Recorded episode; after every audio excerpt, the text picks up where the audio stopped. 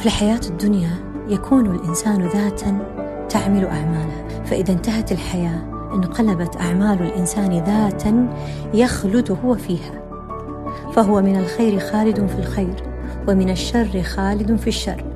فكأن الموت إن هو إلا ميلاد للروح من أعمالها تولد مرتين آتية وراجعة. هذه الكلمات للرافع ولكن الفكرة مدهشة أنك اعمل ما شئت ستجده في هذه الرحلة وفي الحياة الحقيقية.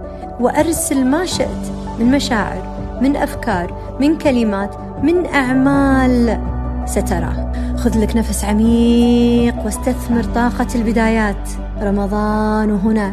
ورغم أنف من أتاه رمضان ولم يغفر له وهو له يجزي به. رمضانكم كريم.